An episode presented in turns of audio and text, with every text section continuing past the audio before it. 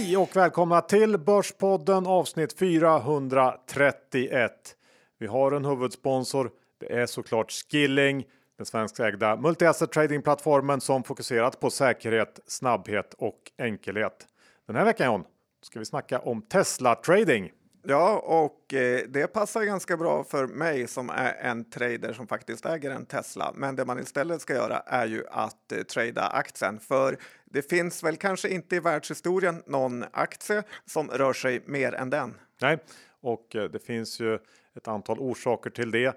En sån är ju att den här aktien är otroligt populär eh, bland alla optionshandlare. Det köps framförallt väldigt mycket köpoptioner i den här aktien Eh, och det gör att alla optionshandlare måste hedga sig genom att köpa den underliggande aktien. Så det blir som, som något slags självspelande piano. Dessutom så triggar det här eh, index, trackers och ETFer som också måste vikta upp eh, sin andel av Tesla i portföljen. Och på något sätt så har det skapat en perfekt storm för Tesla som ju gått fantastiskt starkt på börsen sista året. Ja, och det är kul att man då via Skilling faktiskt kan vara med och ta del av eh, de här både upp och nedgångarna som aktien eh, faktiskt eh, presterar på väldigt kort sikt. Precis, Skilling har ju såklart en Tesla CFD. Och om ni inte har öppnat ett konto än så gör det. Det här är bara en av alla möjligheter man kan ta del av via Skilling. Men kom ihåg 66% av retailkunder förlorar pengar om de CFD så besök skilling.com för en fullständig ansvarsfri skrivning. Och behöver man någon typ av hjälp så har de svensk kundtjänst så det är bara att fråga om man stöter på några problem. Med det John säger vi stort tack till Skilling. Vad ska vi prata om idag John? Vi har ett till fullspäckat avsnitt. Ja, idag kommer det bli hur kul som helst. Det kommer bli H&M, det kommer bli Sydafrika, det kommer bli gratispengar Johan. Det var ju det gånger två förra veckan och eh, ja, det kommer också vara en person som har gjort kanske en av de mest eh, ja, inverterade karriärerna jag någonsin eh, sett faktiskt. Vi har Rickard Bentefor från Fidelity med oss även denna vecka och Rickard, börserna har ju skakat en del världen över. Hur ser ni på det? Ja, och generellt nu när vi sitter här nu har ju de flesta Q3-rapporterna kommit in eh, och vi kan väl säga som så att ja, det var ju väldigt mycket upp till bolagen världen över och framförallt här i Sverige att leverera upp till de väldigt högt ställda vinstkrav som framförallt då analytikerkåren har ställt. Vi på Fidelity tycker det generellt är ganska toppigt just nu, det vill säga att eh, börserna har ju handlat upp och om än korrigerats en hel del nu då, så att vi är försiktigt eh, inställda till aktiemarknaden generellt just nu. Vi närmar oss eh, julen och eh, då ska det köpas julklappar. Det har diskuterats om halvledarbrist och varubrist. Eh, hur ser ni på det? Jo, det här tror vi kommer få, kanske framförallt när vi tittar på helårsrapporten och lite mer att inom då konsumentrelaterat och även bilindustrin och framförallt inom datatillverkning globalt sett så kommer det ju få en påverkan på just försäljningssiffrorna och hur det gäller då att få ut varorna till eh, konsumenterna. Och sen ska vi också inte glömma, vi har ju även fraktkaos och eh, stigande matpriser också, så julskinkan kanske blir extra dyr i år. Tack för Rickard. Eh, vi ska också påminna om att investeringars värde och eventuella intäkter från dem kan både minska och öka. Det kan hända att du inte får tillbaka det investerade kapitalet och historisk avkastning är inte en tillförlitlig indikator för framtida resultat. Våra sponsorer tar inget ansvar för det som sägs i podden och åsikter uttryckta kan redan agerats på och inte längre gälla. Stort tack till Fidelity International. Johan, Dr. Bass Isaksson, index är 23,45. Det är lite smådött på börsen nu i väntan på nästa år och att eh, de flesta rapporterna har varit. Men vad är din känsla? Ja, men jag håller med. Vi har haft en ganska lugn vecka. Eh, nu är det ju mycket fokus på diverse makrofrågor. Inflationen fortsätter att vara det stora orosmomentet. Eh, och under veckan som gick här så kanske även lite oro för nya lockdowns Eh, smög sig på. Österrike kör ju en variant nu.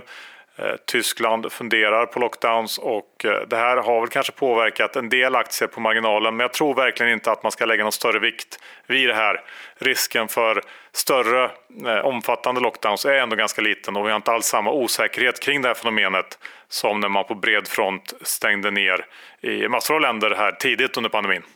Nej, men jag tror att det är en bra take att det snarare är köpläge om aktier dippar på en eh, tillfällig lockdown på några dagar bara. Men sen kan ju allt ja. hända ska man veta med. Det är ju ingen som har förutspått det här viruset rätt. Så att det, det blir ju bara spekulationer. Ja, förutom Tegnell kanske. Ja, faktiskt. Han var duktig. Ja, du, eh, Sydafrika då? Är det det nya Sverige, eller tvärtom kanske? Sverige som är det nya Sydafrika? Ja, Sverige har fått en ny statsminister idag. Grattis Magdalena Andersson. kommer vara en svettig period, men Sverige har ju faktiskt blivit lite av ett Sydafrika light eh, sista åren.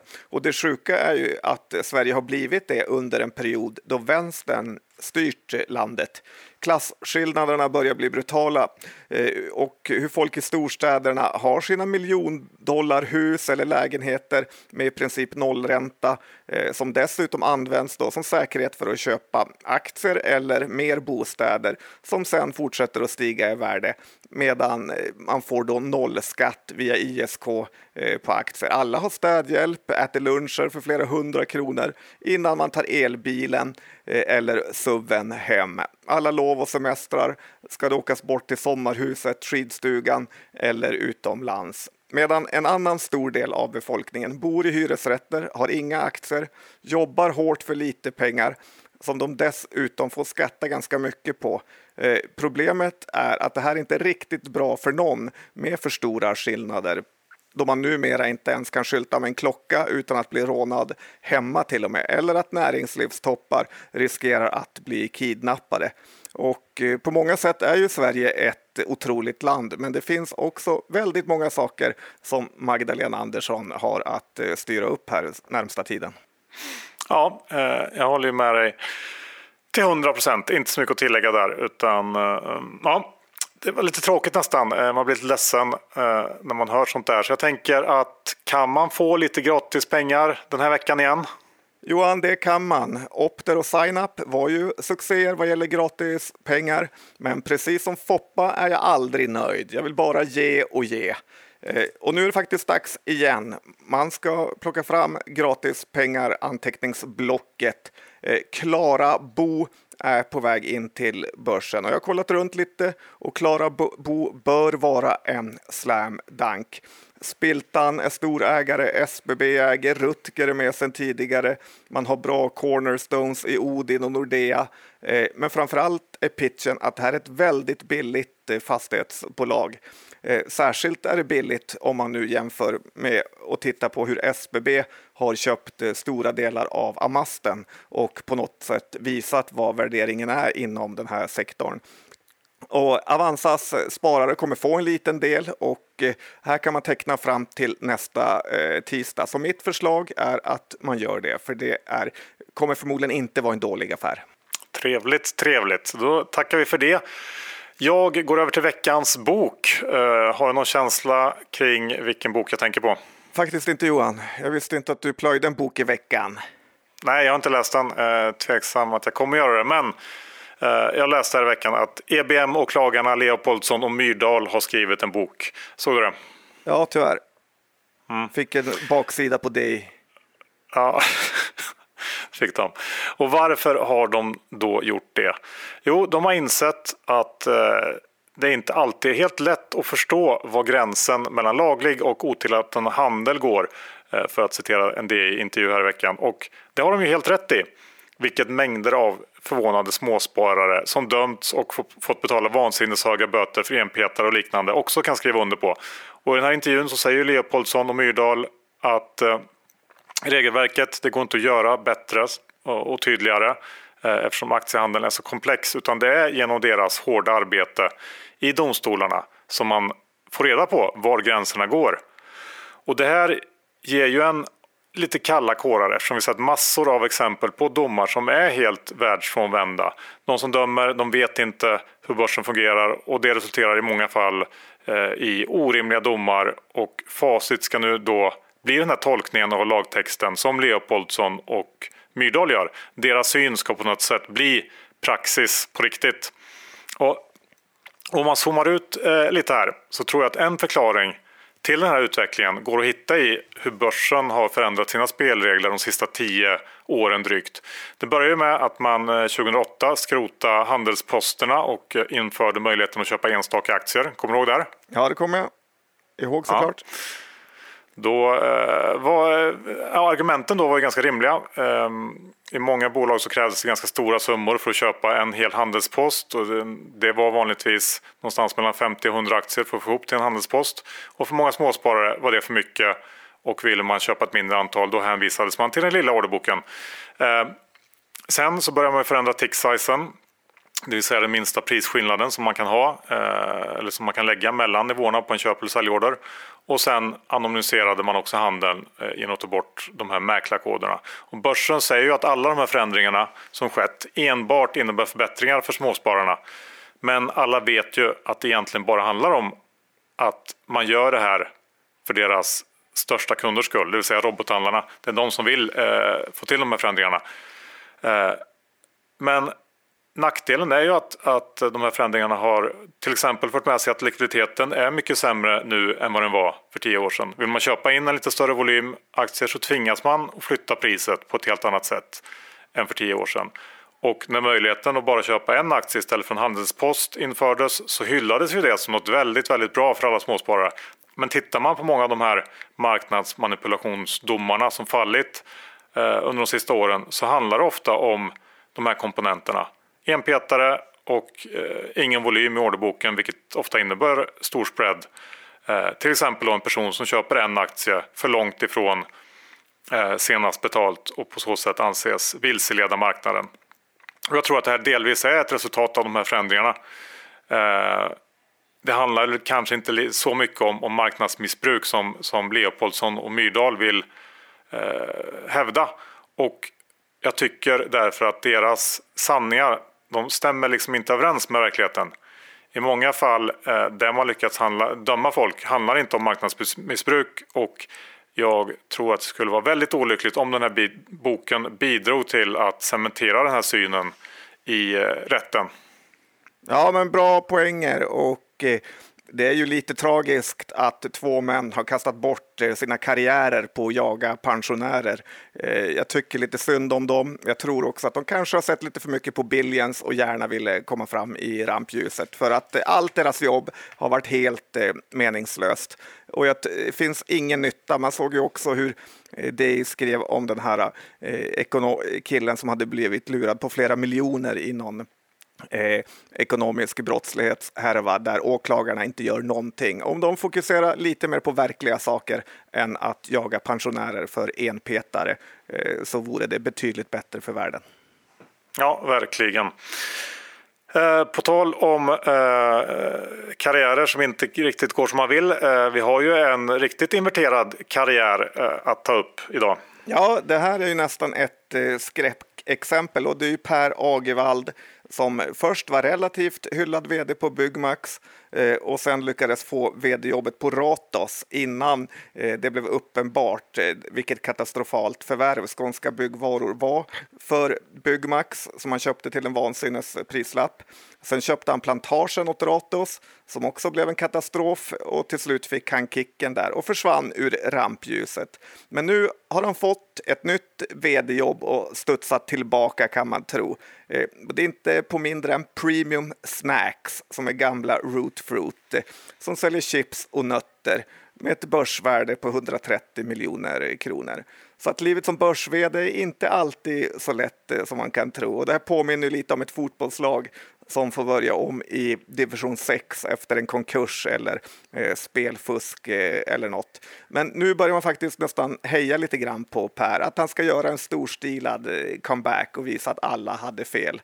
Eh, för får han kicken från det här bolaget, alltså Premium Snacks, då är det lite som när Sven-Göran Eriksson fick kicken från Notts County eller något.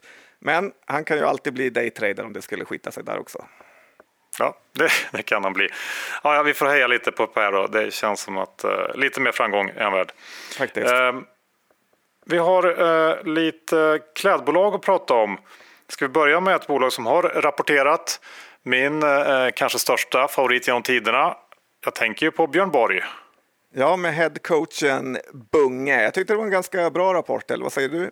Ja, eh, lite bakgrund bara. Det, Björn Borg har ju gått upp nästan 140 procent i år, alltså aktien. Är en av årets stora börsvinnare och jag håller med om att det var en fin rapport. Eh, precis som tidigare kvartal i år så var det väl inte tillväxten som imponerade kanske utan istället så var det lönsamheten som eh, exploderar. Ebit upp rejält från förra året och eh, det är väl om man läser i rapporten ett resultat av en, en, en strävan att minska snittrabatten. Det har stärkt bruttomarginalen kombinerat med eh, en god kostnadskontroll i stort. Och eh, den här aktien är väl inte så där särskilt utmanande värderad trots den här uppgången. Men jag tror att man ska med sig att en del kostnader nog varit lite konstlat låga här på slutet och att eh, det, det ska man ta höjd för. Det kommer att ske en normalisering där. Dessutom så har jag lite problem med den här svaga tillväxten. Ehm, I Q3 låg man på 6,8 procent ja, det, det, är inte så imponerande. För, för, att få upp värderingen så tror jag att man behöver växla upp uh, den här biten något snäpp till här. Uh, och sen har vi det du var inne på i början där med vdn. Det ska vara en rabatt uh, på grund av de här överhurtiga vd-orden. Jag tror så där får man dra av 15 procent kanske. Okej, okay, det är 15 du lägger det på. Nej, men jag tror att du har fel här. för Eh, och att eh, visst, omsättningen var eh, kanske lite, eller den svaga delen i rapporten. Samtidigt så säger ju Björn Borg att de har stängt och fortsatt stänga fysiska butiker. Så att jag antar att lite mer olönsam försäljning försvinner som ersätts av höglönsam onlineförsäljning. Och så tycker jag lite, här får man välja vilket fack man vill sätta Björn Borg i. Vill du sätta det i märkeskläderfacket, då är ju det här snorbilligt faktiskt. Men vill du sätta det i New Wave-facket så är det ju inte lika billigt. Och eh, så är det ju lite som du säger, det, det är möjligt att det här har varit en coronavinnare. Eh, att de har kunnat köpa eh, billig annonsering på nätet eh, som framöver kommer stiga och då slå mot marginalen. Eh, men lite tycker jag nog inte man ska överanalysera det här för mycket utan eh, Björn Borg är fortfarande billigt och jag vågar betta på framtiden här och faktiskt köpt lite aktier. Du har köpt? Ja, jag tycker att det är väl okej, okay, men jag tycker att den, den, jag vill se lite mer innan jag köper så att jag tycker att det är väl någon slags eh, behåll här då, om man måste säga någonting. Och jag kan inte förstå din aversion mot Bunge. Han känns ju så otroligt krispig. Dessutom bor han i Bromma Johan har, jag sett. Har, har, du läst, lite på. har du läst, har du läst vd-ordet? Ja, det har jag gjort. Ja, men det går, det, det, ja, det går inte, John. Not your det, type of guy. Nej, det är bara så. Säg bara Bra. först till Sydpolen eller Nordpolen eller vad det var. Du, sen har vi ju eh, H&M också som vi ska prata om.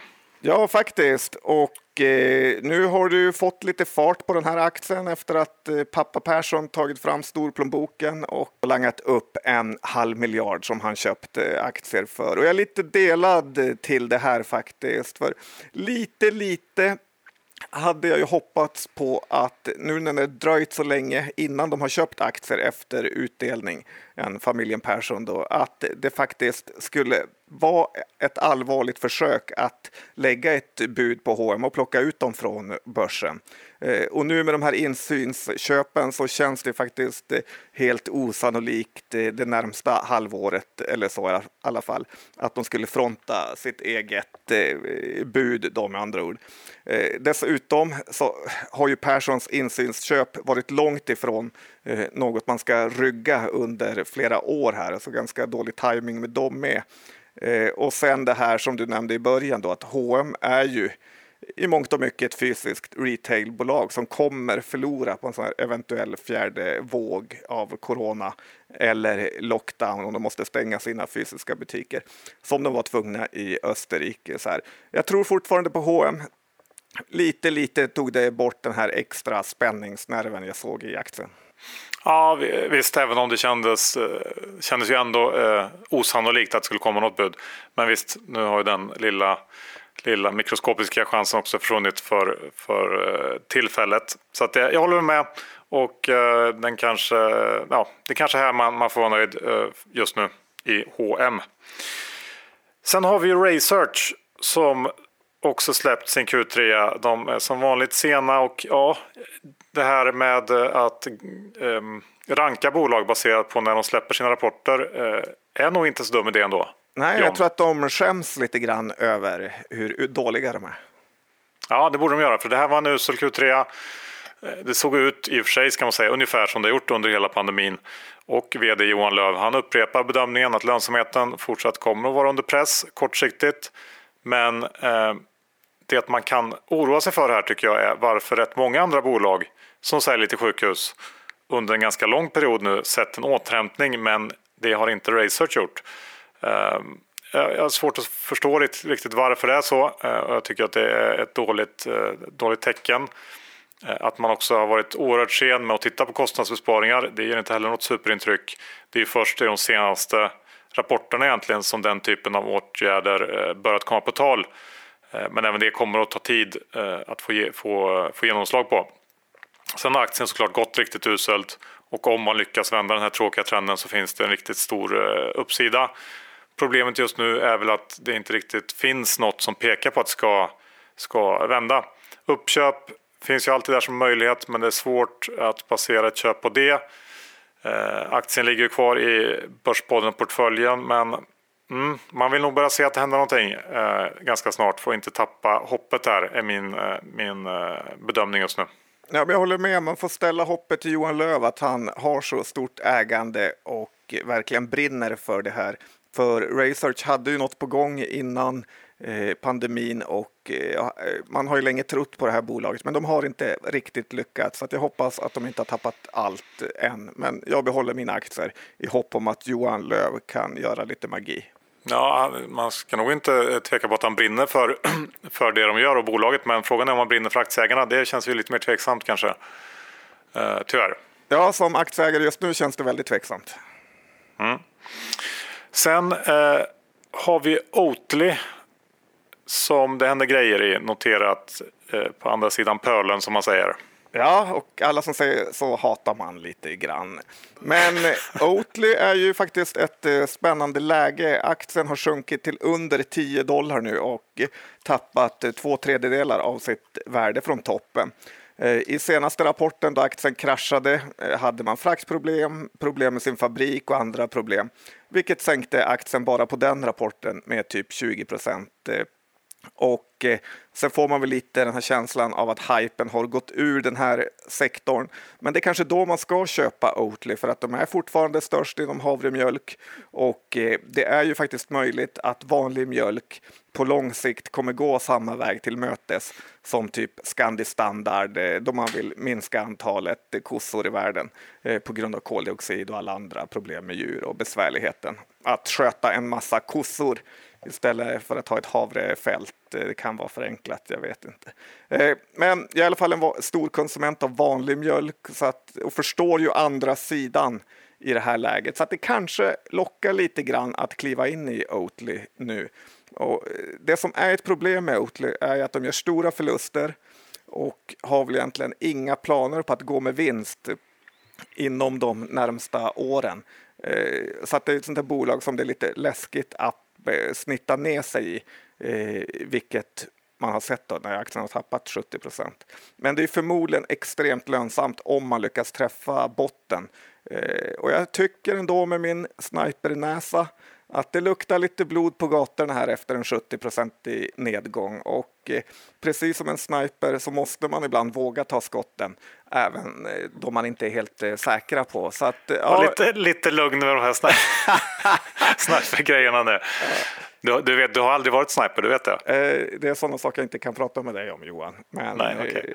vi säger så här, jag tycker Oatly är i ett mer spännande läge än det har varit hit, någonsin i alla fall.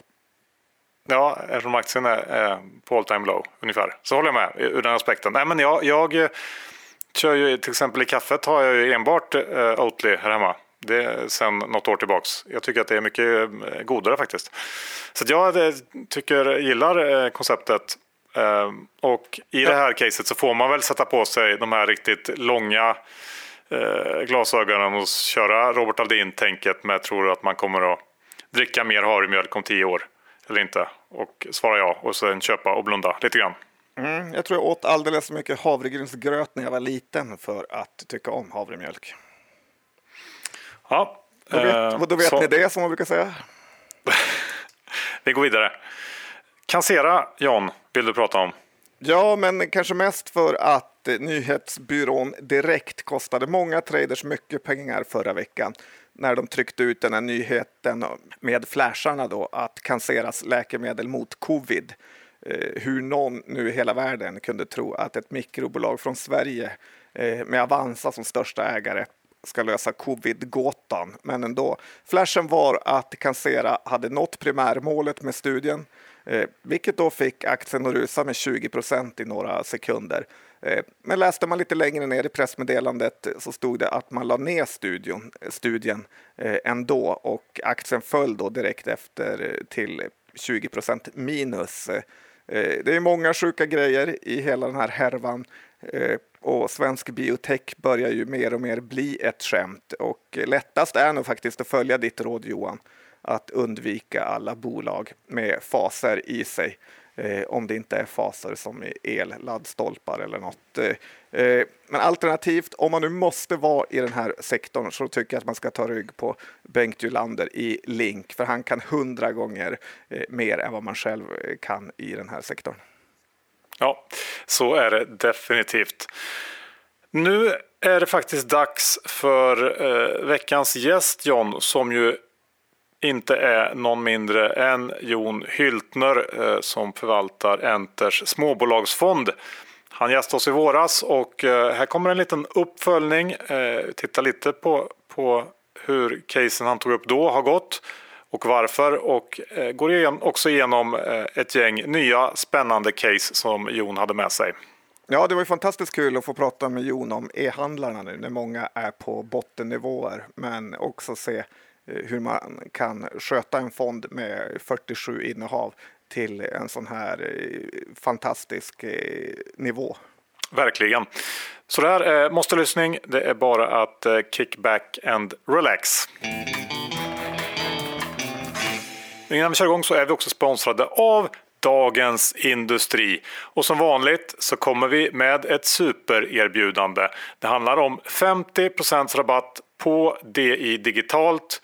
Det här är alltså Nordens största affärstidning i digitalt format. Man får tillgång till alla låsta artiklar, allting på sajten. Man får ju e-tidningen redan kvällen före eh, och mycket, mycket mer. Och just nu får man då 50 i rabatt 12 månader på DI Digitalt.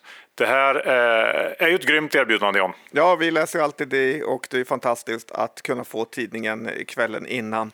Eh, så kan man få en kickstart på börsdagen. Ja, och 50% rabatt det innebär eh, alltså 200 kronor i månaden. Det är inte så mycket att tänka på. Det här erbjudandet är giltigt till och med den 24 december och eh, passar ju till exempel som julklapp till någon börsintresserad person. Vill man ta del av det här så går man in på di.se Börspodden. Vi säger stort tack till Dagens Industri. Vi är denna vecka sponsrade av Craving for Jewelry. Ja, Johan, det sägs ju att diamanter är kvinnans bästa vän och nu kommer Craving for Jewelry eller craving4.com eh, och Börspodden att lösa dina jobbiga julklappsproblem. Eh, för diamanter och guld är ju inte bara något som uppskattas mycket utan också en typ av investering som går att bära under en livstid. Och det som är speciellt med Craving 4 är att det är två svenska tjejer som har startat det här bolaget och eh, kapat flera mellanhänder och har inga dyra fysiska butiker som gör att du får köpa handgjorda smycken, vigselringar och allt vad det är för extremt eh, fördelaktiga priser. Och det bästa av allt är att de faktiskt hinner leverera innan jul. Så vill du göra din fru, flickvän eller så väldigt nöjd så gå in på Craving4 och använd eh, Börspodden som kod för då får du 10 i rabatt. Det är inte ofta man får rabatt på guld och diamanter men nu får du det. Så gå in på craving4.com. Stort tack till Craving4. Vi är denna vecka sponsrade av Amido som just nu genomför en spridningsemission. Och vi har VD Jonny Berlik här på besök. Välkommen hit Jonny. Tack så jättemycket. Ska vi eh, först lite kort bara eh, få höra från dig vad Amido gör? Amido ser till att rätt person kan komma in genom rätt dörr i rätt tid. För vi har integrerat mängder med passersystem och det här låter våra kunder administrera digitala nycklar och tredjepart som SOS, eh, bokningsprogram och andra kan använda de här digitala accesserna för att komma in när de behöver det. Vi har eh, de eh, tio största utav eh, Sveriges 20 största fastighetsbolag som kunder. Vasakronan, Fabege, Wilhelm, Balder, ja, och inte minst SBB. Just det, för SBB eh, kom ju in som näst största ägare här i september månad genom en riktad emission. Kan du inte berätta lite om det? Det stämmer bra. Alltså, vi har länge velat att våra kunder och leverantörer ska kunna bli delägare i Amido och vara med på resan.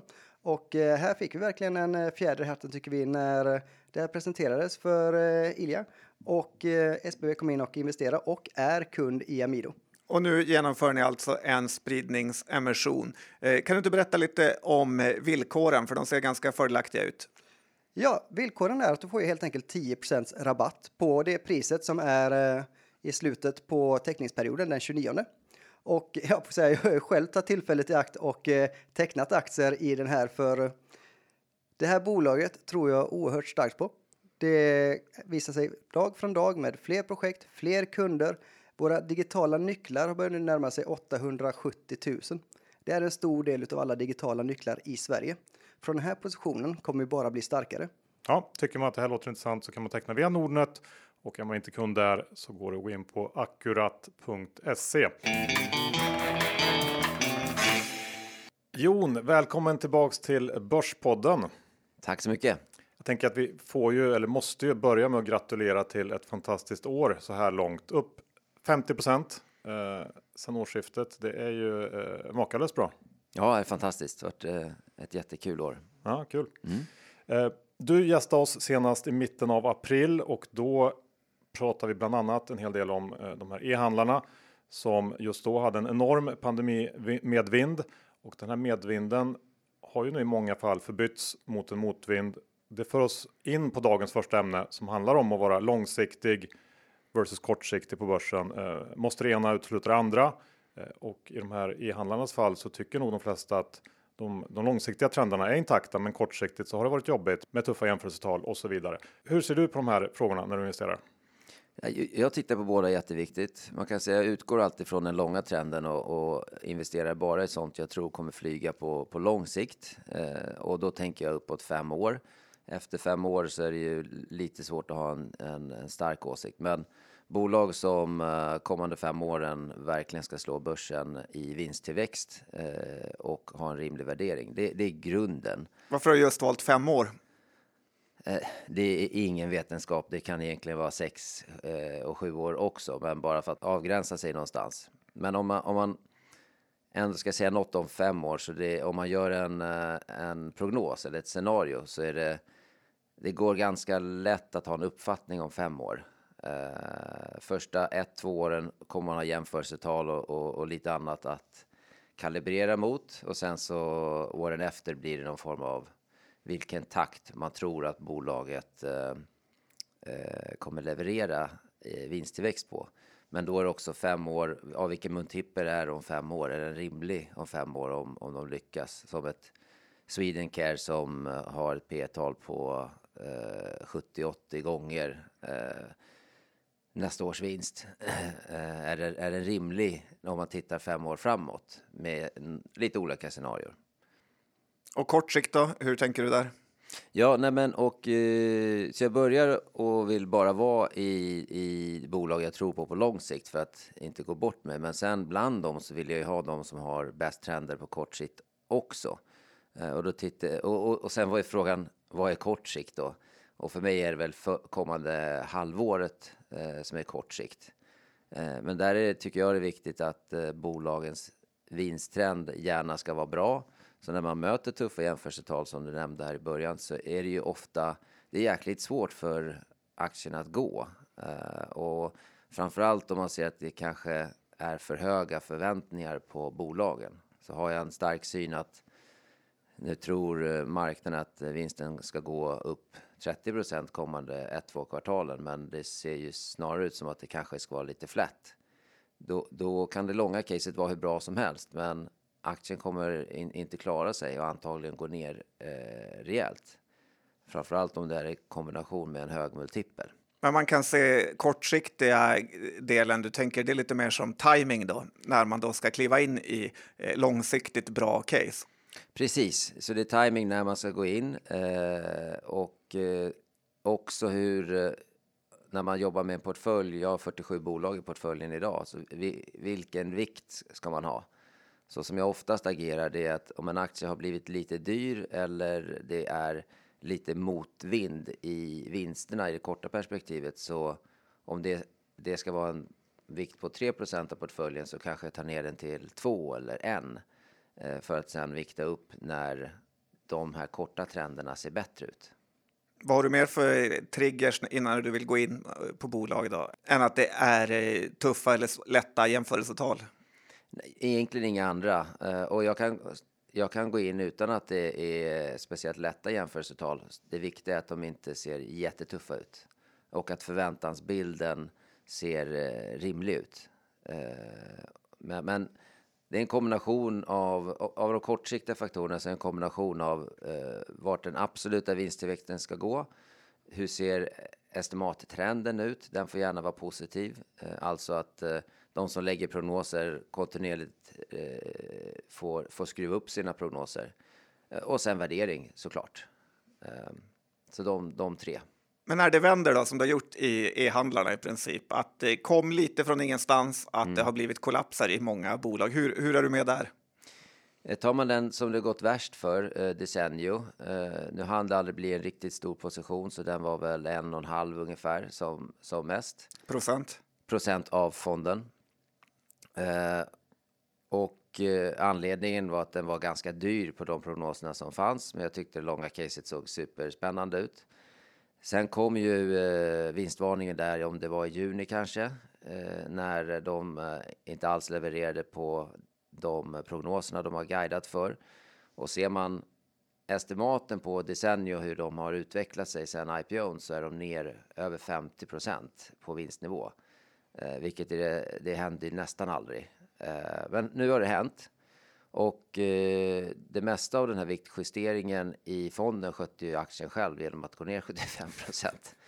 Eh, men eh, inför, de vinstvarnade ju eh, den första gången så tog jag ner eh, vikten ytterligare. Så nu är det en pyttedel i fonden på 30-40 punkter av totalt AUM. Och anledningen att jag har kvar den är, eh, jag har den lite som en observationspost. Nu snor jag ett, eh, en term av en investerare i fonden, eh, som sa det väldigt bra tyckte jag. Men när det väl vänder i decennier operationellt så tror jag den aktien kommer gå väldigt starkt.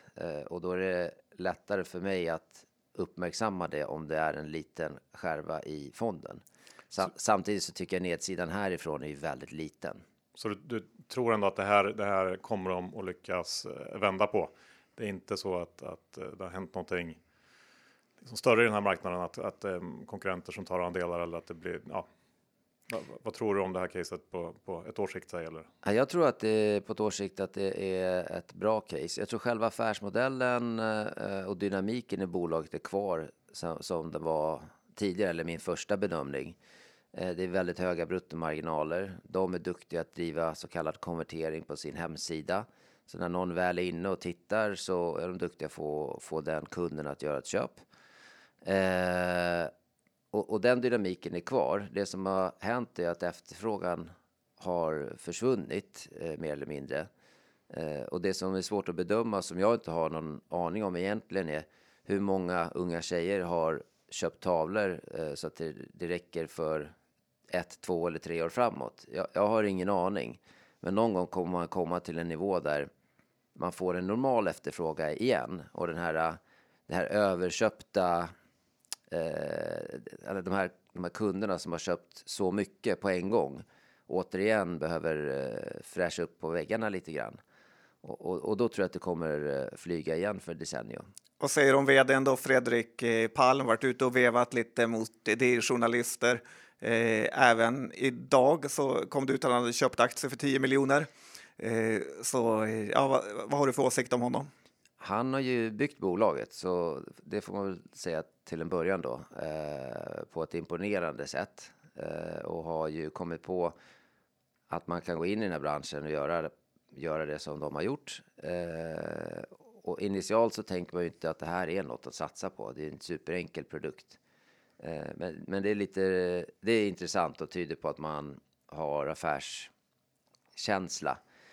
Sen så kommunikationen mot marknaden har ju varit urusel eh, och antagligen så har de överskattat sin egen prognosförmåga för att de historiskt har lyckats så bra eh, och då gick ut med ett väldigt högt självförtroende till marknaden om de här tillväxtsiffrorna trots väldigt tuffa jämförelsetal och det blir ju katastrof. Framförallt när man är ny på börsen, då, då försvinner förtroendet helt för eh, kommunikationen. Men jag tror det främst är en fråga om eh, att de har missat den här prognosen eh, och kommunikationen mot marknaden.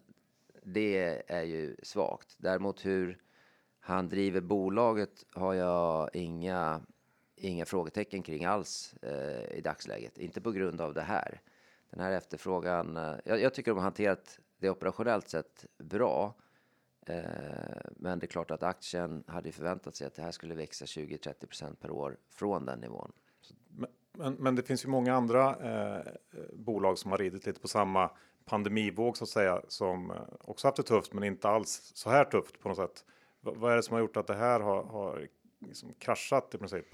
Kombinationen att de också har guidat så specifikt eh, och, och, att då det är kombination med att den, eh, det som utfallet är ju mer än 50% lägre än det man har guidat för.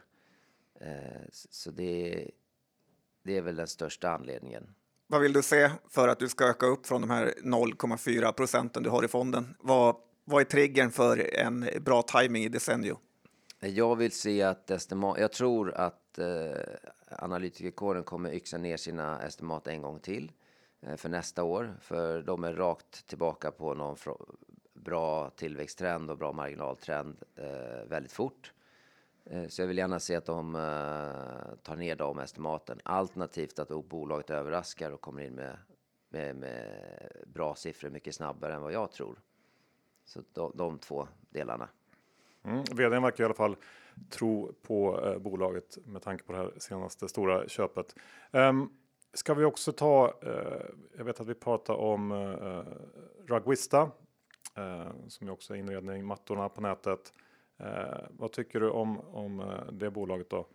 Eh, har ju inte gått alls lika dåligt. Eh, kanske tappat lite ändå sen, sen du var här, men eh, inte samma katastrof. Nej, däremot så har det nog åkt på. Eh, decennier har dragit ner hela sektorn sentimentsmässigt eh, i min bedömning i varje fall. Så det har blivit en, eh, en eh, oönskad sektor att investera i, vilket eh, drabbat Rugvista också. Annars har de levererat bra, Det har varit bra försäljning. Trots tuffa jämförelsetal så har de växt organiskt väldigt fint. Eh, det som varit överraskningen för mig, som jag kanske borde haft koll på, det är att eh, marknadsföringskostnader för digital marknadsföring var extremt låga förra året. Och nu när alla vill komma ut och marknadsföra sig igen eh, digitalt så har de kostnaderna gått upp. Och det blir tydligt om man är ett tillväxtbolag som driver mycket av sin, sin eh, tillväxt genom eh, digital marknadsföring. Så det har ju slått på marginalen mycket mer än jag trodde. Eh, och det har också gjort att aktien inte har gått. För vinsterna har inte följt med. Det var ju ganska flat utveckling på vinsten trots att tillväxten, tillväxten var riktigt bra i senaste kvartalet för Rugvista. Vad säger du om Bygghemma Group då? Om vi ska eh, gå vidare på några av de här eh, e-handelscasen. För ja. tittar man på Byggmax så har ju de gått mycket bättre än vad Bygghemma har gjort. Att Old School har vunnit lite över New School. Nej men precis. Eh, och eh, Bygghem har ju växt bra tycker jag. Eh, men där är samma problem att de har, eh, de har eh, fått öka sina marknadsföringskostnader mycket. Det betyder mer än, än Byggmax. Så det har slagit på marginalen. Sen har eh, de har ju en prisstrategi där de på sina möbler vill ligga i linje med Ikea bland annat och andra som är eh, lägre i pris. Eh, och då har de inte kunnat justera sina priser för högre inputskostnader och högre logistikkostnader som, som många andra har kunnat göra i den här marknaden för att det är så hög efterfrågan. Men Ikea, de jobbar med prislistor så de kommer inte ändra sitt pris förrän nästa prislista kommer ut. Och, och då har det slagit på Bygghemma här kortsiktigt. Om man, om man tänker på det här då, långsikt eh, versus kortsikt i Bygghemma-caset. När, när, ehm, när liksom, eh, har vi sett botten för, för Bygghemma? Ja, man tar man hur, hur vi har agerat så Bygghemma var, var en ganska stor position eh, fram till Q3-rapporten. Eh, då runt 3 vikt, vilket är stort för den här fonden. Eh, men inför den rapporten så var jag lite osäker kring hur det resultatet skulle bli och tog ner den till 2 ungefär. Och sen har aktien gått sämre så nu är den nere på ja, en och en. Och eh, här är jag fortfarande orolig för Q4-resultatet. För det som eh, har skadat dem är ju att inte kunna höja pris och att marknadsföringskostnader och logistikkostnader är höga. Och den dynamiken, är, det är, jag vet inte, men det är ju ganska stor risk att den är kvar i Q4 också. För är det inte lite att eh, det blir väldigt, väldigt tuffa jämförelsetal för de här hemmafixarna nu eh, närmsta året i princip? Det blir jättetuffa jämförelsetal. Eh, sen får man också komma ihåg att eh, i varje fall i Sverige så har bostadsmarknaden varit väldigt eh, heta. Så folk har ju också mycket equity i sitt eget eh, hem som de gärna vill använda och relativt stor eh, omflyttning, vilket också driver eh, mycket efterfrågan. Ja, tittar man på Big Bag-säckarna här i Stockholms innerstad så verkar det inte vara slut på renoveringen direkt. Nej, jag, jag tror det kommer fortsätta. Sen kanske just trallbyggandet eh, har, kommer få extra tuffa komps då. Eh, för där, där, det tror jag många gjorde lite på eh, under hemmajobbstid. Mm, det är Johans stora case. Eh, ja, men det är kul. Ska vi ta en titt på IAR med? Det är något eh, jag och Johan har pratat om i mm. podden och också ett sånt här bolag som borde ha trenden med sig och timingmässigt hyfsat eh, nedkörda. Eh, vad tycker du om dem? Skarin fick kicken. Ja, och eh, eh, jag har ju ägt den i fonden halvlänge och verkligen tyckt att det borde flyga. Eh, det, har ju mjukvar, det är ett mjuk, mjukvarubolag, så när volymerna kommer så får du 90 procents eh, bruttomarginal på det. Men och, man ser, tillväxten borde ju komma för fler och fler produkter blir uppkopplade. Eh, det krävs fler chip och de chippen programmeras i deras eh, mjukvara. Men av någon anledning så eh, Eh, har det inte kommit någon tillväxt när allt borde tala för att det ska vara tillväxt.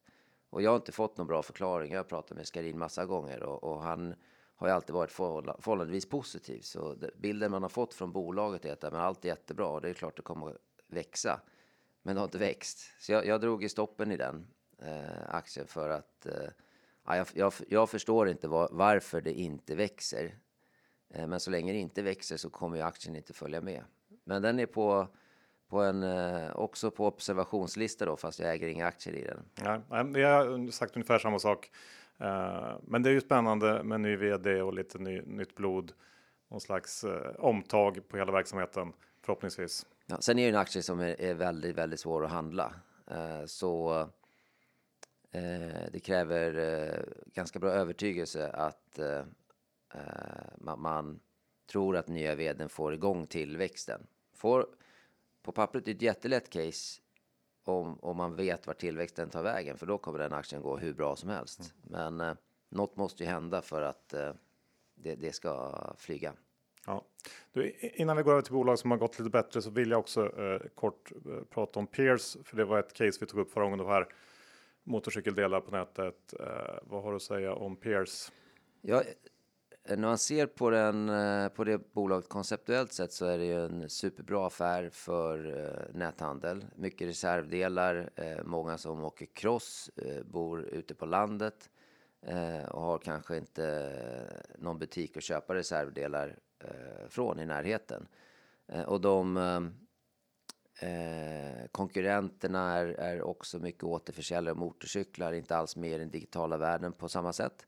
Så, så konceptuellt sett såg det väldigt bra ut. Sen hade de mycket kortare historik av bra lönsamhet. Det var ju många år med lövtunna marginaler och sen nu precis innan noteringen så visade de bra siffror. Så jag var alltid lite mer osäker kring peers jämfört eh, med Desenio till exempel, som har haft många år med, med en extremt hög lönsamhet. Och nu visar det sig att när de får problem med, med frakt och marknadsföring som alla andra så uh, räcker ju inte marginalerna till.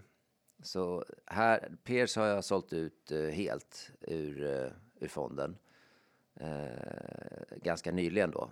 Där, ja, jag, jag, vet inte riktigt när det där kommer tillbaka. och de kommer lite från en för svag bas lönsamhetsmässigt för att våga ha kvar den aktien. Men det här med marknadsföring, att priserna har stigit väldigt mycket på det, har det ska man säga, overshootat nu? Eller är det här det nya normala man kommer få vänja sig med, att det är dyrt att göra reklam? Ja, det är det jag inte riktigt vet. Eh, det är något jag ska försöka ta reda på här inför julen. Men det, det skulle kunna vara så att förra, under covid, så var det bara en, att det var det som var anomalin. Och nu är vi tillbaka på det normala. För transportkostnaderna känns väl ändå som de borde kunna gå ner på lite längre sikt. Men just marknadsföringen är ju eh, svår att veta, känner jag. Ja, jag, jag instämmer helt där. Eh, precis, alltså att, att eh, container från Kina ska ner i pris, det, det är ju givet. Det, det, är bara flaskhalsar som ska justeras, eh, tror jag. Mm, mm. Sen, jag vet inte, jag har hakat upp mig lite grann när det gäller Pierce på det här med tillväxten också. Att de, de, förra året så var de förlorare på pandemin. Nu är de också det. Eh, jag vet inte. Och tillväxten har ju trendat neråt om man tittar de sista åren från 30 till 20 till i år 10 ungefär. Va? Eh, det, jag, inte, ja, jag tycker att det känns lite oroväckande. Det har inte varit ett helt konsekvent budskap där. Nej. Jag håller med. Mm. Men ska vi prata lite positiva grejer? Det känns som Jon Hyltner kommer hit med en fond som har gått upp 49 procent och blir nedkörd i skorna av eh, några eh, case som du har haft marginellt eh, stora innehav i. Så att eh, vi ska inte vara så elaka, vi måste vara positiva med, för du har ju haft väldigt, väldigt många bra case också. Annars har man inte en fond som har gått så här. Ett bolag som inte ens fanns på börsen förra gången du var här var ju Revolution Race mm. och de eh, är ju tvärt de här andra eh, jordfräsarna ett bolag som har gått otroligt bra men ändå är inom e-handel. Ja, precis, men eh, vi var med i IPO och sen har vi köpt på oss löpande efter IPO för aktien flög ju inte initialt utan den stod ju stampa lite grann efter noteringen. Eh, men eh, där de har ju också halvtuffa jämförelsetal, men ändå så har de ju dubblat försäljningen och vinsten eh, här senaste kvartalet. Och det, det är ett eh, mer eh, en effekt ser det ut som av att affären går väldigt bra. De har hittat det här friluftsmodet, eh, de når ut i nya länder där de fortfarande är väldigt små. Så eh, mer att de har lyckats med sina marknadsföringskanaler och word of mouth, att eh, folk gillar eh, det de säljer. Sen har de en modell som är fantastiskt bra med att designa kläderna själva, beställa direkt från fabrik och sen sälja ut i egna e-handelskanaler. Så de slipper ju väldigt mycket kostnader när de andra konkurrenterna i regel har många mellanhänder eh, med distributörer och, och så vidare. Så eh, nej, den, den ser eh, väldigt intressant ut. Men hur har de klarat de här ökade marknadsföringspriserna? Nej, de har klarat det bra. Eh, de har en liten annan eh, ehm, väg till marknaden. Det är klart att de har digital marknadsföring som alla andra, men de jobbar också mycket med egna kanaler. De jobbar med sina egna sociala mediekonton. De jobbar med influencers som har på sig deras kläder i, i, eh, ja, i, i fina naturfilmer och så vidare. Så de, de har lyckats. De har lyckats bättre än de andra helt enkelt. Men är man inte lite orolig för att de här, de här också har ridit på utetrenden och folk har skaffat hundar och så vidare? Att eh, det bästa har varit? Ja, ja, absolut. Jag är jämt orolig om jag ska vara helt ärlig. Eh, men, men det finns mycket som skulle kunna om, man, om, om det är så, så ser man tillbaks på det här caset om ett år, så skulle det kunna vara så att alla köpte hund. Det här är väldigt mycket hundägare som gillar de här kläderna. Eh, folk har varit ute i naturen mer. Eh, men det, det, vet man inte än. Och än så länge är ju trenden otroligt stark. Och det de säger om Q4 är att det här fortsätter in i Q4. Eh, och det kan ju lika gärna vara så att man når nya kunder ute i Europa, man ska ut i USA så småningom. Så det kan ju också vara bara början på någonting som kommer växa, i varje fall i absoluta tal, eh, i kronor i den här takten och snabbare i många år till. Och där kommer jag tillbaka lite där med kort och lång sikt. Eh, det finns ju en möjlighet att Revolution Race är ett bolag som kommer vara väldigt stort om tio år. Eh, för att de har kommit ut på nya marknader med sin modell. Eh, de kan öka sitt sortiment eh, väldigt mycket, bedömer jag, för att kunna hitta nya, eh, nya vägar att eh, ta marknadsandelar. Men, men, men hur stort det, det, kan bli är väldigt svårt att säga. Men så länge den korta trenden är väldigt bra eh, så, så är det en aktie jag gärna håller kvar i. Eh, men är såklart uppmärksam på, på varje kvartalsrapport som kommer. Och är det så att man börjar märka att ja, men det var rätt mycket hundägare som köpte sina brallor och de är klara nu. Eh, och, och, att det inte växer längre, då får man ju överväga om man ska sälja aktien helt eller, eller ta ner positionens storlek. Tittar du på några andra av de här klädbolagen, typ New Wave eller Björn Borg eller eh, så? Eh, jag har sneglat på dem, men så fort jag tittar på dem så tycker jag att det ser eh, ointressant ut. okay. Ja, ja. Um, jag tänker att vi ska ta ett, ett bolag som vi har, ja, kanske varit lite taskiga mot. Uh, BTS, vi har kallat dem lajvare och uh, dissat dem lite grann. De har ju verkligen gjort en imponerande resa uh, Eh, och, och, det har gått riktigt bra på slutet. Um, och pts eh, ett bolag du gillar?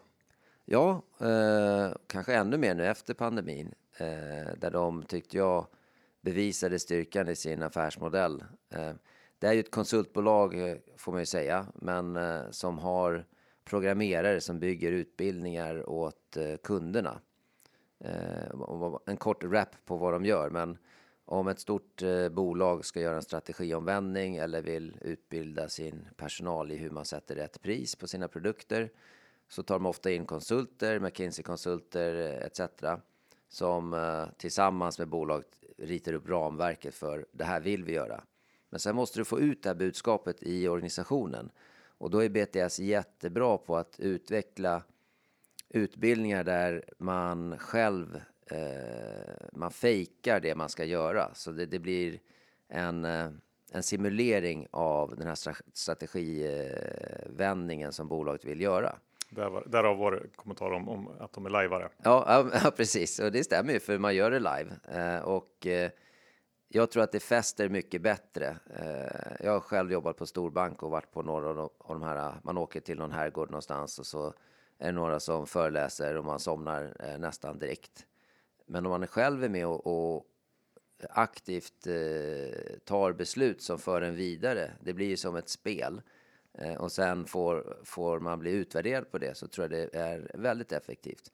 Men att göra de här simuleringarna är väldigt svårt och där har de en edge som ser ut att vara eh, väldigt konkurrenskraftig jämfört med alla konkurrenter.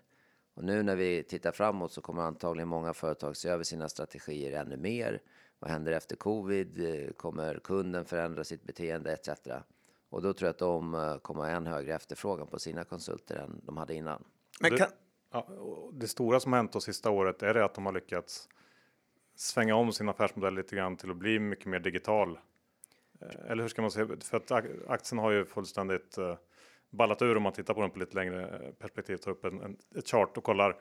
Mm. Um, är det det som har, har drivit på att man ser en annan skalbarhet i det här nu? Ja, det de gjorde initialt var att gå över från eh, live-leverans till virtuell leverans. Då var det i princip att de, de hade samma utbildare, men alla kunderna eller de som var med i utbildningen var på Zoom. Eh, men sen har man utvecklat en digital eh, del också där det är inspelade föreläsningar. Du kan själv gå in och göra frågor och, och ta dig framåt i, i utbildningen, vilket eh, har en helt annan typ av skalbarhet. Så antagligen kommer de sälja in paket till bolag ja, men de här cheferna ska gå den här utbildningen. Eh, sen har vi uppföljningsmaterial som eh, uppföljningsutbildningen de ska göra varje år. Och det blir en extra intäkt som ja, är, är, skalbar på ett annat sätt än när det alltid måste vara en konsult som är där och, och, och driver det hela man älskar ändå lite sådana här bolag som verkligen kan förändra sig efter eh, händel, stora händelser och bli ett ännu bättre bolag eh, efteråt. Så att, eh, därför är det viktigt att investera i bra ledningar. Ja, precis. Och, och Ekelund, eh, han äger ju väldigt mycket aktier i det här bolaget och är den som, som driver det. Och tog ett eh, starkt beslut tycker jag att inte säga upp en enda konsult när deras eh, kärnaffär i princip imploderade. Det var ju ner 70-80 procent. Eh, och, och, att då inte bara sparka folk utan istället behålla alla har gjort dem en... Idag så kommer det gynna dem enormt när de anställer nytt folk. Det kommer bygga en, eh, en attraktionskraft som arbetsgivare som jag tror är jätteviktig. Ja, men det är ett spännande case faktiskt. Och lite kan man säga att jag och Johan har hjälpt dem att gå från live till online. Det var vinnande koncept. Men ett bolag som jag är lite intresserad av att prata om mer är ju Profoto. Eh, hyfsat eh, under radarn ändå, eh, men är ändå ganska stort. Börsvärde på nästan 5 miljarder och säljer då eh, fototillbehör till fotografer. Mm. Kan du inte säga några ord om det? Ja, nej, vi var med i IPO i, i Profoto och de har ju en, en ganska dominerande position på premiumblixtrar till proffsfotografer. Så all ljussättning du vill, vill göra, större delen av det kan de eh, förses i, i, sitt sortiment. Och, och eh, nu känner jag lite fotografer eh, och eh, det är uppenbart att om man är lite seriös så är det den här blixten man vill ha. Så otroligt starkt erbjudande.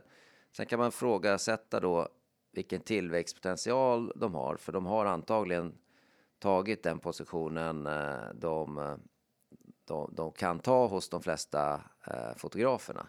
Eh, men det de har gjort är att hela tiden utveckla nya produkter och då höjer de pris och får tillväxt genom att ha, sälja fler produkter till ett högre pris. Och, det är väl det jag tycker är svårt att avgöra. Hur kan det, kan det bli tillräckligt hög tillväxt? Eh, med den strategin? Eh, eller behöver de bredda sig ännu mer?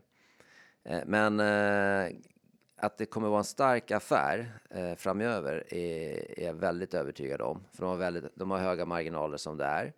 Och den här kundgruppen är väldigt mån om att ha bäst grejer på sina jobb.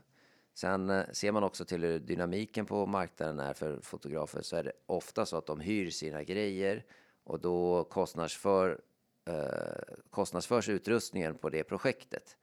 Och då blir investeringskostnaden inte jättestor för fotografen i sig. Det, det finns massa fotografer som också har äger allt själva och, och jobbar på det sättet. Men det, det, är ett ganska stort element där uppdragsgivaren betalar för leasad utrustning. Och, och, då driver det på en, en, eh, ett ganska högt utbyte av, av blixtrar och att alla vill ha det senaste och det bästa hela tiden. Men inte det här caset, eh, eller jag är lite orolig för att eh, liksom med den heta online-marknaden, att det varit mycket fotografer då som har fått fota till olika online-butiker och så vidare. Att, eh, och nu kommer det här relativt nyligen in på börsen med lite hypade vinster. Kan det inte vara en, ett nytt decennium det här? Jag tror inte det eh, faktiskt. De, de kom ju till börs med av sjukt nedtryckta vinster. Eh, deras 2020 var ju eh, extremt dåligt, eh, så man fick ju lita på att det man levererade åren innan 2020 skulle komma tillbaka. Eh, så, och nu har det ju gjort det, det första, eh, det, de resultaten de har presenterat här efter IPO. Eh, och det är en återhämtning som är superstark, så de dubblar ju sina resultat year over year nu, men lätt jämförelsetal. Eh, sen tror jag att marknaden är där eh, och vi kommer om något fota mer än eh, mindre eh, jämfört med ja, historiken. Det känns som hela världen går till att bli mer och mer visuell på något sätt. Sen just e-handlare, där är det den, den marknaden växer ju väldigt kraftigt och det är otroligt viktigt att ha bra bilder på det du vill sälja. Går in på en hemsida idag så är det risiga bilder och då blir du inte sugen på att köpa. Och där har de utvecklat nya blixtar då som ska sälja till det segmentet. Det är ett ganska tråkigt fotojobb, men det är ju jätteviktigt för, för produkten. Och där kan man se framför sig ett tillväxtben som eh, driver på lite extra kommande år. Ja, för jag tänker att det, om man hittar rätt där så borde marknaden vara oändlig. med bolag som H&M och eh, allt vad de heter som verkligen måste eh, plocka fram det bästa ur kläderna. Absolut, och där tror jag det finns en effektivitetsvinst att göra som enorm för klädesbolagen. Eh, eh, det, har ju, det kom ifrån att de plockar ut plagg för plagg ibland och, och, och, och fotar eh, ganska osystematiskt. Det, det, verkar ta väldigt lång tid, så där kan man nog eh, jobba upp en bättre effektivitet. Vad är det för värdering på ett sånt här bolag? Ja, nu är det en eh, dryga 20 gånger vinsten tror jag. Så det är relativt lågt i kvalitetsbolagstermer. Mm. Um, sen har du ju ett par eh, lite mer, vad ska man säga, gammelverkstadsbolag som har gått bra också. Bufab, Concentric. Kanske oschysst att klumpa ihop dem, men eh, jag gör det nu.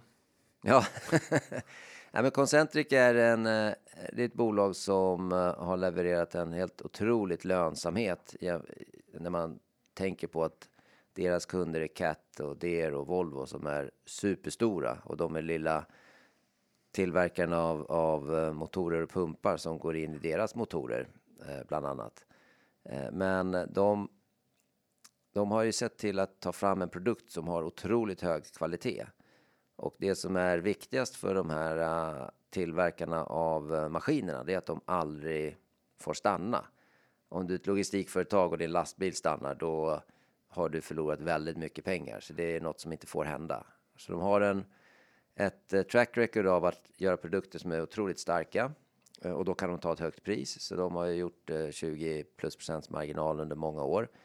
Det som har varit det jag inte gillat lika mycket är att det är väldigt cyklisk efterfrågan. För alla, alla kunderna har... Eh, eh, det, det, är väldigt dyra produkter och, och de köps i cykler. Eh, och det har drabbat Concentrics eh, försäljning. Men det vi ser, eller det jag, jag tog in den här i somras till fonden eh, och då mot bakgrund av att dels lastvagnscykeln såg ganska stark ut. Så det här kortsiktiga vinsttrenden eh, ser, ser bra ut. Så de borde kunna ha kommande åren en, en fin tillväxt på, på försäljningen. Eh, sen så har de ett starkt utbud och bättre marknadsandelar på de drivlinorna som är elektriska, antingen från bränsleceller eller batterier. Och där är värdet på det de säljer mycket högre, så det kan vara tio gånger högre än i en traditionell dieselmotor.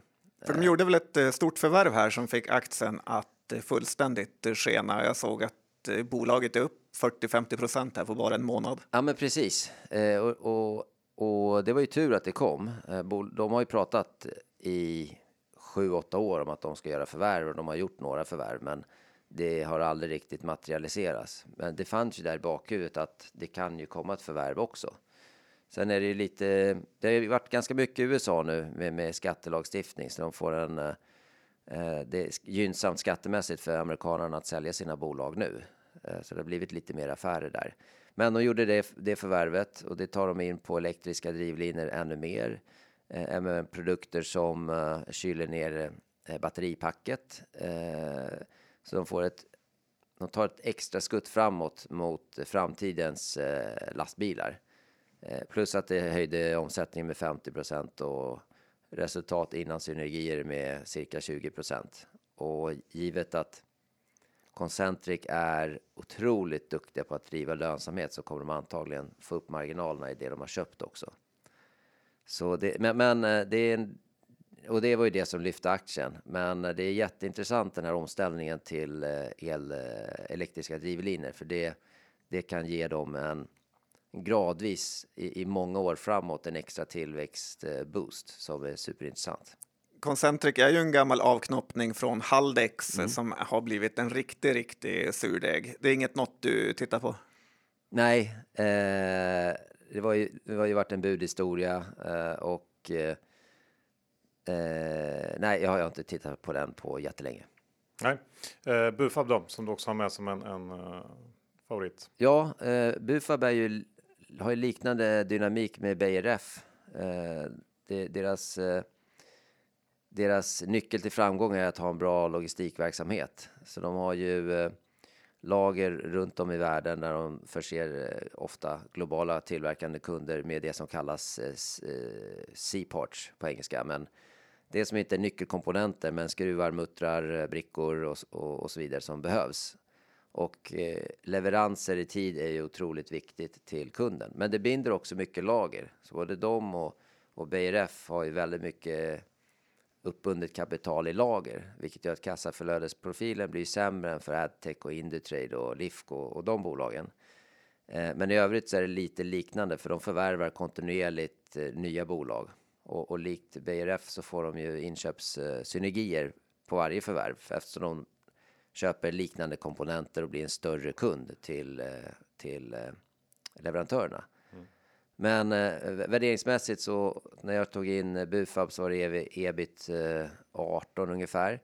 Eh, och så ser man att eh, de som jag tycker är lite bättre Eh, förvärvande bolagen som Adtech, Indutrade etc. och Lifco har ju varit EV, EV 30. Så det, skillnaden i värdering tyckte jag var för stor. Samtidigt så ser man den cykliska återhämtningen att i, i det korta perspektivet så eh, kommer vinstutvecklingen vara lite starkare än, än eh, det vanliga.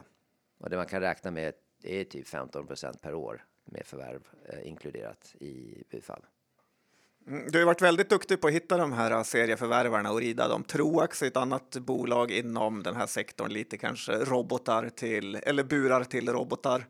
Eh, P5060, vart ska det ta slut? Ja, nej, men jag har ju varit förvånad över vilken eh, eh Eh, multipel expansion har blivit i, i, i Troax. Det är lite som HMS, eh, skulle jag säga. Ganska liknande dynamik också.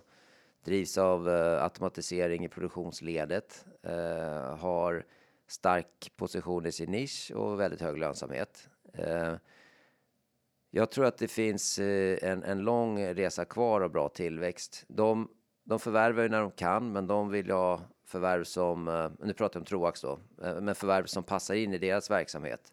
Och då finns det några bolag i USA att förvärva som, eh, eh som antagligen förr eller senare kommer materialiseras. Och då kommer de ta ytterligare ett kliv i USA Eh, på USA-marknaden. Sen om det sker i år eller om tre år eller fyra år, det är otroligt. Jag har ingen aning. Men fram tills dess så kommer efterfrågan drivas av att eh, det blir fler lager, Eh, automatiserade lager i och med att e-handeln ökar. Så måste alla kunderna bli mer effektiva.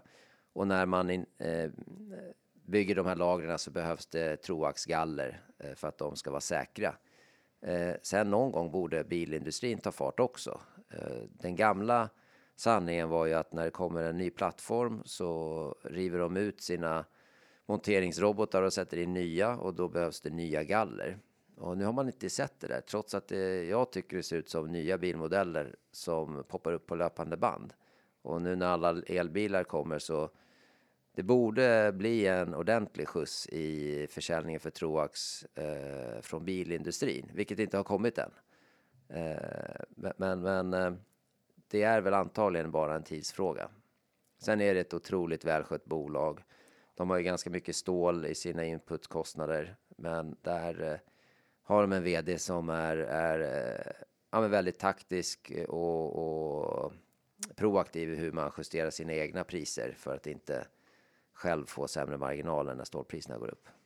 Vi måste väl också prata lite om det senaste bolaget du har tagit in i fonden, om du kan nu när du är så stekhet. Vad är det senaste bolag du har plockat in? Som kanske har då både det kortsiktiga och det långsiktiga med sig. Jag var, jag var med i en eh, emission i Söder Sportfiske. Eh, det är också, det är ju en Omni-kanal då, men är, det någon av er fiskare? Ja, jag är ganska bra fiskare. Ja. Jag hoppas du gillar produkten då. Ja. ja. Däremot så fick jag mest eh, fisk på ett björklövendrag i eh, sommar. Så att jag är lite orolig att man inte behöver ha så mycket olika färger på dragen som eh, fiskhandlarna eh, försöker lura i en. Nej, För det kommer nya drag hela tiden. Ja, och det stämmer då. Jag, jag, två, jag fiskar inte själv, eh, eller jag hänger gärna med, men eh, de jag känner som fiskar tycker nog att eh, jag drar ner fiskelyckan. För jag, är inte så duktig. Eh, men jag har, jag har två goda vänner som fiskar mycket och ena, det är lite roligt för ena killen då har samma drag som han alltid haft eh, och kör bara det. Eh, och den andra killen köper ju nya drag precis hela tiden. Eh, jag tror att de drar upp ungefär lika mycket fisk så det spelar nog ingen roll. Men det är ju, eh, de som fiskar är ju mest eh, män eh, och jag känner ju många i den här kategorin och det finns ju väldigt många som gillar att köpa prylar.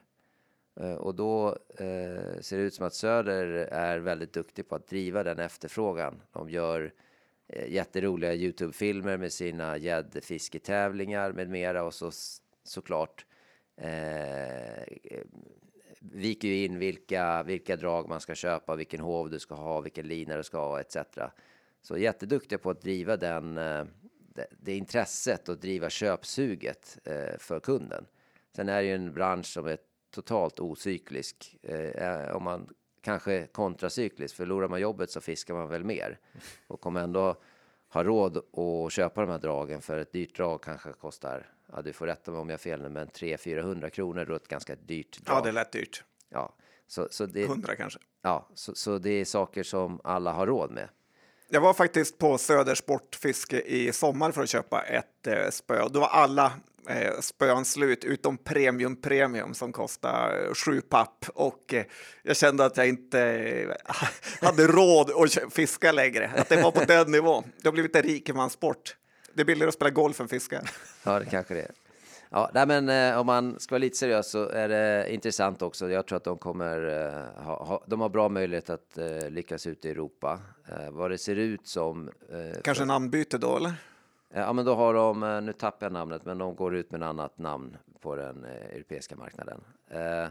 Och det, det känns som en, det, jag gillar, för det är en ganska liten nisch, eh, så totalmarknaden är inte tillräckligt stor för att eh, de större ska ge sig på det. Så det krävs en liten spelare, men då finns det mycket kvar. För, för Söder så finns det ju en ocean av, av marknad kvar att ta. Men eh, eh risken att någon stor sportkedja eller någon annan ska ge sig in i, i matchen tycker jag är ganska liten. Så de har lite ödet i sina egna händer. Att gör de ett bra jobb så borde de kunna komma ut i Tyskland och få en jättebra marknadsandel där också. Och du är inte orolig för någon slags kortsiktig pandemimotvind eh, i det här caset? Ehm, lite grann kanske, för de fick ju, de har ju, de har ju eh, medvind i seglen från, eh, från pandemin. Eh, Men eh, den, den är nog relativt övergående i varje fall. Och sen är det de mindre aktierna eh, är, som är väldigt svåra att eh, trada överhuvudtaget. Där får jag ha ett än, än mer långsiktigt perspektiv. Um, för det, det går inte riktigt att parera för de här kortare svängningarna mellan kvartalsrapporterna. Ja, men Jon Hultner, extremt kul att du har kommit eh, hit till podden och berättat lite om dina case. Och eh, du är väl en av de här få förvaltarna som faktiskt eh, också bjuder på lite case som inte har gått helt rätt. Men det är ju fantastiskt att fonden är upp 50 procent och det är bara att försöka lära sig så mycket man kan av dig. Ja, jag försöker lära mig så mycket jag kan hela tiden också. Det är det som är det roliga. Världen ändras ju varje dag. Så är det. Stort tack Jon! Tackar! Då var det slut John. Vi säger stort tack till vår huvudsponsor Skilling, den svenskägda multi-asset tradingplattformen. Och där eh, är det ju väldigt enkelt att komma igång och starta ett konto. Man registrerar sig med BankID, det enda som behövs, och de har svensktalande kundtjänst. Men kom ihåg, 66% av retailkunder förlorar pengar om de handlar CFD, så besök skilling.com för en fullständig ansvarsfri skrivning. Hur är det med innehav idag John? Eh, om vi ska ta vår del där så pratar vi om Research. Den ligger ju i Börspodden-portföljen. Eh, jag tror jag inte har några bolag av de vi pratar om. Jo, H&M har jag. Eh, och den ligger också i Börspodden-portföljen. Hur är Ja, det med dig? H&M har jag, jag har Björn Borg, jag har Research eh, och jag tänkte teckna Klara Bo också. Jag tycker du också ska göra det Johan. Ja, får jag göra det då. Bra, tack för att ni lyssnade. Ännu en vecka får man säga. Vi hörs nästa onsdag. Hej då! Det gör vi.